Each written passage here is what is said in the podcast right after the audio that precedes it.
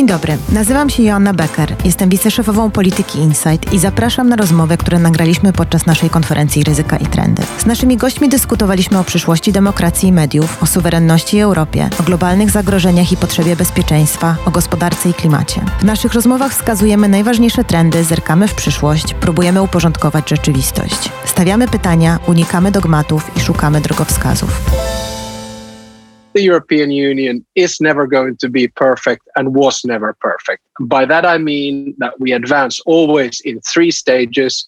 Stage number one is a crisis, stage number two is chaos, and stage number three is a suboptimal solution. I believe that sovereignty is a central notion also for international relations, not to limit international cooperation because it's impossible and wouldn't be wise, but to make a clear picture who is responsible for what and why we are doing something. And that's why I'm ready and I'm happy to continue discussion about sovereignty, European sovereignty. And we're seeing a lot of the ties that bind people together actually being turned into weapons. So instead of trade bringing people together, you get sanctions and trade wars. Instead of the internet bringing people together, you get cyber and fake news and election interference. And even the movement of people, which is the kind of fundamental thing which is bringing people together, was weaponized with people being forced out of their countries, Turkey trying to blackmail Europeans about whether it was going to open its borders or not. Poland should not be afraid because a certain amount of European sovereignty and strategic autonomy is really necessary. I mean, who would not agree that there has been a certain, how to say it, arrogance or conceitedness in the US in their foreign policies and in dealings with European partners? Europa wciąż poszukuje swojego miejsca w geopolitycznej układance i mierzy się z kwestią suwerenności państw członkowskich. Epidemiczny rok na nowo postawił pytania o to, kto ma decydować o losie państw członkowskich, czy jaką politykę zagraniczną ma prowadzić Unia Europejska. O unijnych dylematach opowiadają nam były premier Finlandii Aleksander Stubb, polski minister do spraw Unii Europejskiej Konrad Szymański, szef Europejskiej Rady Spraw Zagranicznych Mark Leonard i Patrycja Sasnal z Polskiego Instytutu Spraw Międzynarodowych. Rozmowy prowadzą Agnieszka Smoleńska, szefowa działu europejskiego w Polityce Insight i Piotr Buras, dyrektor biura ICFR w Warszawie. In this panel, we will be talking to Mr. Uh, currently the director and professor of the School of Transnational Governance at the European University Institute. Also, Mr. Konrad Szymański, witam serdecznie, Minister for European Affairs in Poland since 2015, previously also member of the European Parliament. Witam serdecznie. Thank you very much for being with us. I would like to start by taking a little bit stock of what happened in 2020. For many of us, forever 2020 will be associated with the pandemic. However, from a European perspective, 2020 was a year of fundamental change in many different ways. We had the European Green Deal, which marks a watershed moment in how European Union thinks about its industrial policy, in how it thinks about its transformative role in uh, European economies. We had Brexit on the 1st of February 2020, which is the first time that a member state of the European Union has left. Finally, we had the geopolitics shift the changing winds in the US and the changing relations globally between China, US, and other big actors has made this year for the European Union a year of unprecedented challenges. Now, at the same time, Europe has fundamentally changed, you can argue, in this year. We had new budget approved, which is almost twice as big as the one we had before. New debt will be issued, which will be issued at an unprecedented scale. We had unprecedented coordination when it comes to coronavirus pandemic fight response. We had new forms of cooperation being developed, in particular the vaccination strategy. Now, what I wonder when I look at these transformations of the European Union is whether these changes will stick or whether they will be temporary, whether they will disappear, and whether this is a moment where the transformation of Europe is really pushing integration forward, or whether, in fact, it's risks disintegrating? Have we gone too far too quickly? Mr. Stubb, what's your take? What's your diagnosis? I think the starting point is very simple. We human beings have a tendency to do three things. Number one, we over rationalize the past. So we draw parallels from the past to today, which really are not linked. Secondly, we have a tendency to over dramatize the present. I'm not saying that you just over dramatized it, but there was a lot of unprecedented language in what you just said. And finally, we have a tendency to underestimate the future. I'm much more relaxed, sometimes even a little bit agnostic about the way in which the European Union develops. I think there is quite often a functional spillover effect. So, integration in one area leads to pressure to integrate in another one. At the same time, I am the first one to admit, as pro European as I am, that the European Union is never going to be perfect and was never perfect. By that, I mean that we advance always in three stages. Stage number one is a crisis, stage number two is chaos, and stage number three is a suboptimal solution. I would say that we should remember that we could create a quite an answer to the pandemic crisis, especially in economic terms, with the instruments we already have on hands. Mm. So the adjustments, the treaty change at the moment isn't the most urgent thing. Although, of course, Warsaw, since Brexit, were, was pretty open to discuss it. We invited all capitals to talk about fundamental change of the union because Brexit is a warning. Brexit shouldn't be understood as an accidental thing. I think the mechanism which pushed Britain outside EU are present in many member states. Maybe the scale is different, but the nature of the mechanism is the same. We saw it very clearly during the budgetary debate, where we could notice that in many, many capitals, EU is only about costs that the benefits of integration, especially benefits coming from the single market, are almost unknown and absent in the public debate. That's why this sort of budgetary populism pushed even most pro European governments in frugal countries to the position where we had a, a, real problem in the middle of pandemia with triggering the right relevant answer to the economic consequences of pandemia. It worries me a lot because I have no doubt about the intention of the frugals, but I see the political context which is evolving in a very negative way and I think we have to confront it because in the same time the benefits of common market in average 10 times higher than the so-called national contributions. And the national contributions consumed 99% of our attention when we talk about EU budget.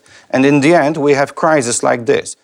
I think the catch-22 situation, not only in Warsaw, but in every European capital, is that it's very difficult for democratically elected leaders to give any credit to Brussels for whatever it does. So, in my experience, when I was foreign minister, finance minister, and prime minister, quite often what you would do if something went wrong, you would blame Brussels. If something turned out good, you would take the credit. And I think that's a situation we're going to have in the pandemic as well. So basically, we're going to end up in a situation whereby, you know, if the commission eventually succeeds in the vaccine rollout, it is not going to get the credit. The credit is going to go to the capitals. If it fails in the vaccine rollout, then it is going to get the blame. So, this is the big problem that we have. It's very difficult to fall in love with the internal market. But you touched upon the vaccine strategy, which I think it's such a perfect example of complexity and confusion in Europe. You said I used too much the word precedent at the beginning, but it's quite clear that the European Commission negotiating on behalf of 27 member states is something that we have never done before. 2.3 well, yes and no. I mean, remember that the European Union, in other words, the European Commission, has exclusive competence in five areas. One of those five areas is trade. So any big trade deal around the world, whether it's with Canada, with the United States, with Mercosur, or within the WTO, it is negotiated by the European Commission. Also, remember that the European Commission has exclusive competence in competition policy, in other words, antitrust, the way in which companies around the world, whether they are Apple, whether they are Amazon, or whether they are Google, they have to abide by the rules negotiated by the European Commission. So it's not unprecedented. What is unprecedented is that they're negotiating in the middle of a pandemic in an area that it has not negotiated in before. And my point is here that I think it's extremely good that the European Commission is doing it. And I'll say it for two reasons. Number one, was it not the Commission doing the big deals with the pharmaceuticals, we would be involved in some kind of vaccine nationalism and vaccine wars. So Konrad and I would be going back and forth saying, la la la, we got more doses than you did. Secondly, I come from a small country, 5.5 million people. Do you seriously think that AstraZeneca or any other pharmaceutical company would be interested in negotiating scale with us? No. What would have happened was that both Germany and France would have gotten the big doses, and then they, at their own prerogative, would have perhaps given us a little bit of it. So I'm glad the Commission is doing it, even though it's not currently communicating it very well, I must admit. That's one of the uh, shortcomings, definitely. Mr. Szymański, what's your take on this particular issue? Where does the Polish government also stand on this question of vaccine strategy and cooperation between the European Commission and member states? I think it is right to say that an alternative to common purchases of the vaccine could be more harmful than the situation we have right now.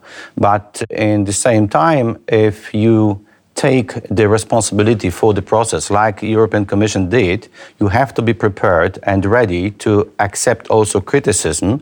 And I think the criticism is not concentrated on the purchases, but the effective execution of the contracts. It is not only responsibility of the European Commission, but this is how it works.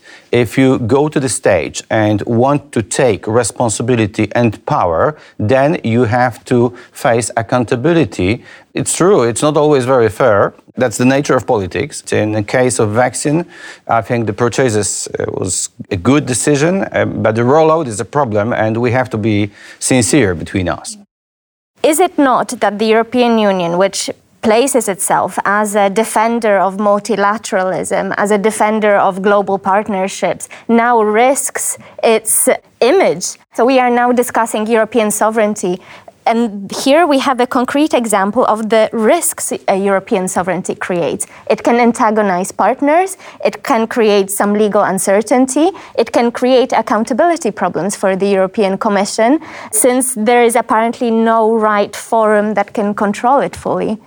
I think you shouldn't be speaking in the present tense. You can already speak in the past tense. The Commission really screwed this up. The damage is already done when it comes to communication, and it was a double whammy the first one was the export restriction. The second one was the issue relating to the hard border between Ireland and Northern Ireland. They retracted, but now they have an uphill battle to try to fix the problem. Listen, with sovereignty and pooling of sovereignty comes different types of aspects, which are linked to responsibility, who takes care of, of what. But my argument on the particular vaccine things is along the lines that the negotiated deal originally was good. Now they need to get the rollout right. Sovereignty, you know, in a world where we really live transnationally, beyond the borders, where decisions are made not in a regional, national, or supranational vacuum, where every decision is touched by politics, by civil service, by journalism, by NGOs, by academia, and so on and so forth. I think it's a little bit old fashioned to talk about black and white sovereignty. Uh, sovereignty has been pooled, and that has been the case for the past 50, 60 years. And believe me, this pace is going to increase as technology evolves.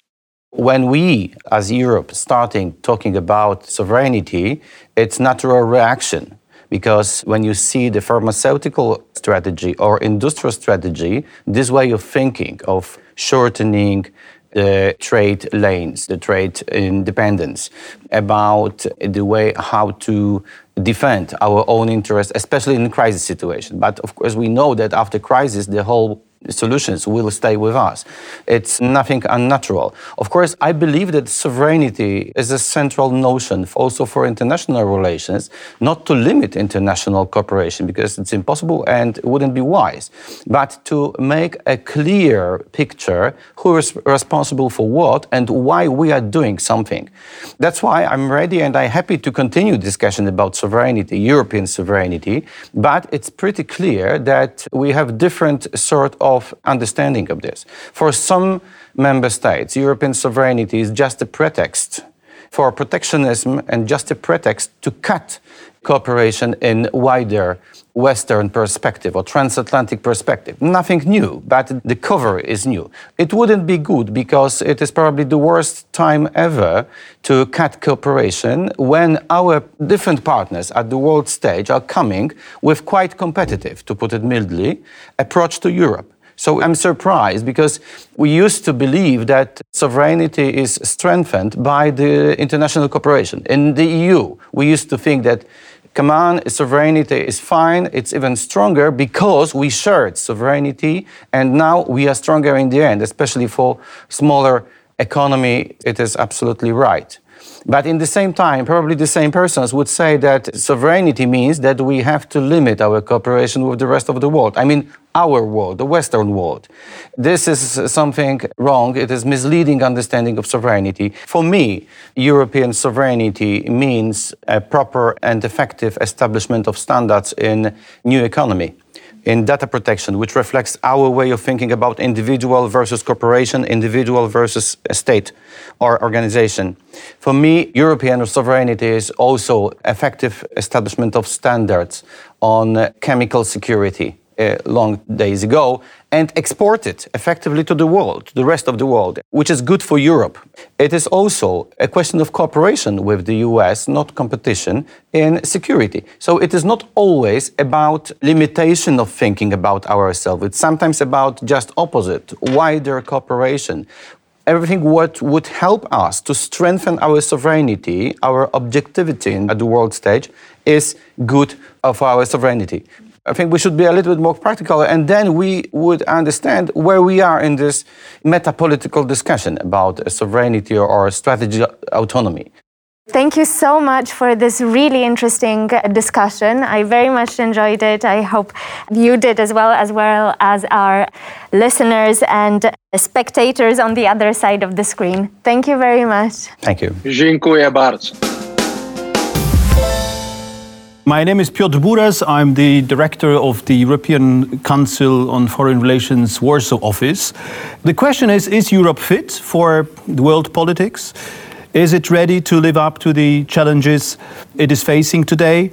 And if not, what needs to be done to increase European Union's capacity to act and better protect our common interests and values? We will discuss these questions with my great guests. Patricia Sasnal, the head of research of the Polish Institute for International Affairs and a renowned expert in international politics, most notably on uh, the Middle East and uh, the Arabic world. And uh, Mark Leonard, ECFR's director, book author, and columnist, regular contributor, among others, to the project Syndicate. It's a great pleasure and privilege to host you both here, and thank you very much uh, for joining us. Mark, in a number of reports published by ECFR over the last year, you and your colleagues analyzed EU's actual and possible future responses to these mounting international problems. But before we delve into them, could you please first briefly describe why and how Europe's model has been particularly challenged by what seems to be a lasting transformation of the global landscape. Sure. Um, it's a great pleasure to be here with you, Piotr and Patricia. I think that there is a sort of ideological dimension to this, and there's an institutional dimension. On the ideological side, Europeans, I think more than anyone else, thought that we were living at the end of history, that we were moving towards a period where globalization would benefit everybody. And instead of competition between countries, we'd have increasing cooperation with rules and diplomacy being used to determine the differences between countries and in a whole series of different areas from trade to technology to solutions to global issues like climate, we would find a, a different way of working together. But instead, what has happened increasingly is that those links between countries are still there. But rather than being infused with a logic of cooperation, they are infused with a logic of competition, great power competition in particular. And we're seeing a lot of the ties that bind people together actually being turned into weapons. So instead of trade bringing people together, you get sanctions and trade wars. Instead of the internet bringing people together, you get cyber and fake news and election interference. And even the movement of people, which is the kind of fundamental thing which is bringing people together, was weaponized with people being forced out of their countries, Turkey trying to blackmail Europeans about whether it was going to open its borders or not. And that is a profound shock to the way that Europeans thought that the world was going to work. And it's taken a long time for them to catch up with it. And one of the reasons for that is the institutional problem that whereas countries like America and China see a relationship between what they do in economic terms what they do in political terms what they do in military terms. In Europe, these things were completely separated from one another. The market was to do largely with the behaviors of companies, the role of the state, to the extent that it had one, was about preserving competition in the interests of consumers. And we had lost the habit of having an industrial policy and of seeing this as a sort of political or geopolitical space. And that was also something that largely was done by Brussels. We gave over most of those powers to Brussels. And when it comes to political and military relations, they're more held at the level of member states and are not typically linked with our economic relations in different areas. So we find ourselves having one hand tied behind our backs when we're dealing with countries that are willing to trade off what they do in one sector with other sectors. And the biggest shock to us was what Donald Trump was doing because we thought of the US as an ally. And when we saw tariffs being introduced on national security grounds against European companies, and Trump saying that he would withdraw troops from Europe and disinvest from NATO unless we move what we were doing in trade policy. That was a complete shock to our system. We, we were just not really set up to deal with it. I think that that has started to change dramatically over the last three or four years both at an intellectual level and at an institutional level. And it's why we're having these debates about strategic autonomy and European sovereignty.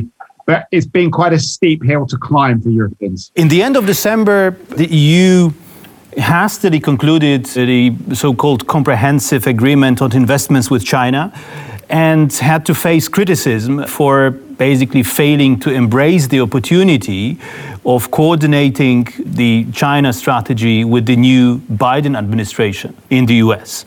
But in the public conversation you had, Mark, with Josep Borrell, the head of EU's diplomacy, Borrell mm, defended this decision and said that this is exactly the example of Europe's strategic autonomy. We just go it alone or do it our own way because our interests sometimes diverge also with the Americans. And this is the way how it should be. So, do you agree with that, or do you have a different assessment of this agreement? So one of the problems that we all have assessing this agreement is that it's not all been published. There are lots of addendums and protocols which are still being kept secret. So we only have partial information on it. I think the fact that they've not been published, not particularly good sign in terms of the confidence of the people who signed it. But I in principle have a, a, problem with the idea of signing a comprehensive agreement on investment with the Chinese. We've been negotiating it for seven years and we have important Chinese investments in Europe. And nobody's saying that we shouldn't have any Chinese investments in Europe. And it's better to have that regulated than unregulated. And at the same time, there are a lot of European companies that have invested in China and that are short of protection. I think the whole way that the process was handled looked very clumsy. I think it has definitely destroyed a lot of trust, not just in Washington from the new incoming Biden administration, who reached out to Europeans and wanted to consult on it and urged them not to sign it so quickly, but also in other countries that will be critical partners for us as we try to defend a rule based economic order in the future, such as Japan and India and Australia and Korea, countries that were horrified at the process and the way that we did it. So I think that it has done a lot of damage to European credibility with other countries.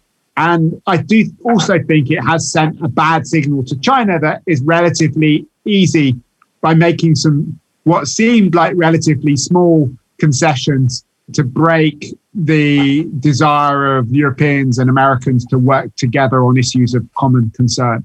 I don't think it was such a good idea moving forward in that way, but I don't think it's irreparable. And I am optimistic about our ability to try and find a new way forward. And I think that Europeans are not the only people who don't want to have a new Cold War between China and America. Most Asian countries want to maintain economic relationships with China, even as they deepen their cooperation with the United States. So I think that if we look at it in that grand scheme of things, there's a lot of scope to develop new kinds of relationships, not just with Washington, but also with friendly countries such as Japan and Australia and other Asian countries. But Patricia, if we take the bigger picture, my question would be how likely and how possible and in what areas is a realignment of the European and American interests and approaches when it comes to international issues? And perhaps right away, a second question should Poland be afraid that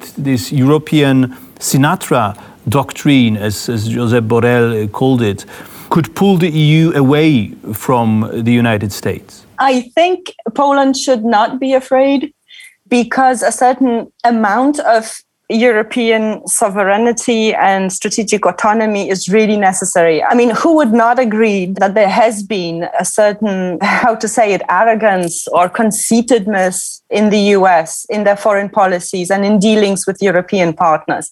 I think it's time for Biden to understand, and perhaps this agreement with China serves to elevate the negotiating position of Europeans vis a vis the US.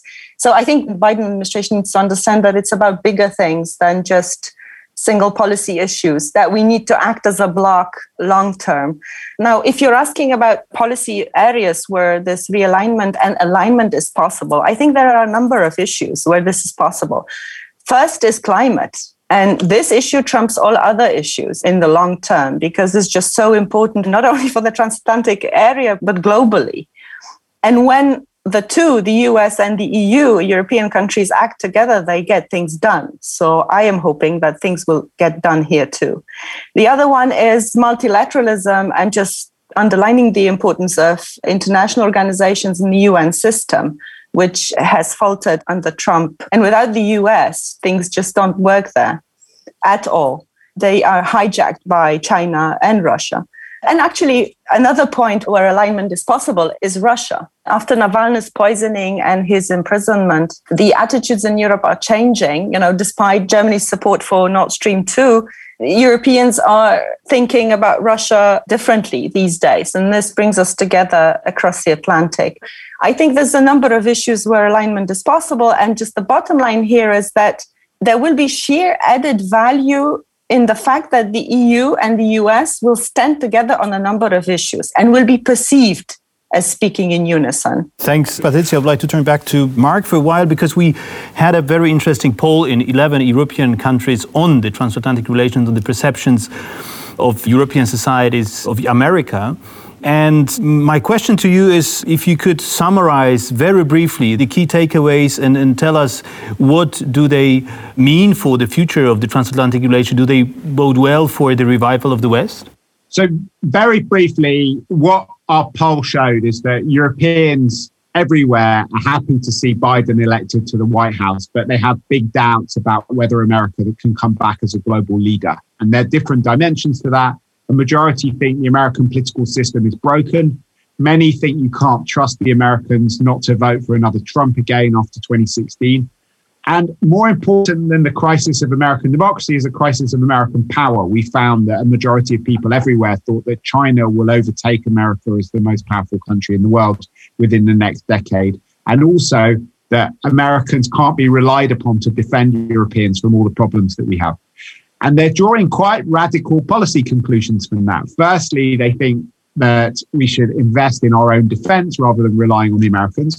Secondly, a majority of people in all the countries surveyed said that if there's a dispute between China and America, Europeans should stay neutral rather than taking America's side. And thirdly, and most interestingly, in many countries, not in Poland, but in almost all the other big European countries, people said that the go-to capital is now Berlin rather than Washington. Thank you very much, Mark, and thank you very much, Patricia, for this excellent, very inspiring conversation. Dziękuję, że poświęciliście nam swój czas i mam nadzieję, że będziecie wracać do naszych audycji. Znajdziecie je w najważniejszych serwisach podcastowych. Pole wyszukiwania wpiszcie po prostu Polityka Insight. Więcej informacji o naszej konferencji pełne nagrania rozmów znajdziecie na stronie ryzykaitrędy.pl. Chciałabym jeszcze podziękować całemu zespołowi Polityki Insight za wysiłek i poświęcenie, które włożyliście w przygotowanie konferencji. Dziękuję również naszemu partnerowi głównemu, czyli Orange Polska, naszym partnerom E.ON Edis Energia, IKEA Polska, Microsoft i Visa. Merytorycznie wspierała nas Europejska Rada Spraw Zagranicznych oraz German Marshall Fund of the United States. Partnerem medialnym jest Radio Tok FM.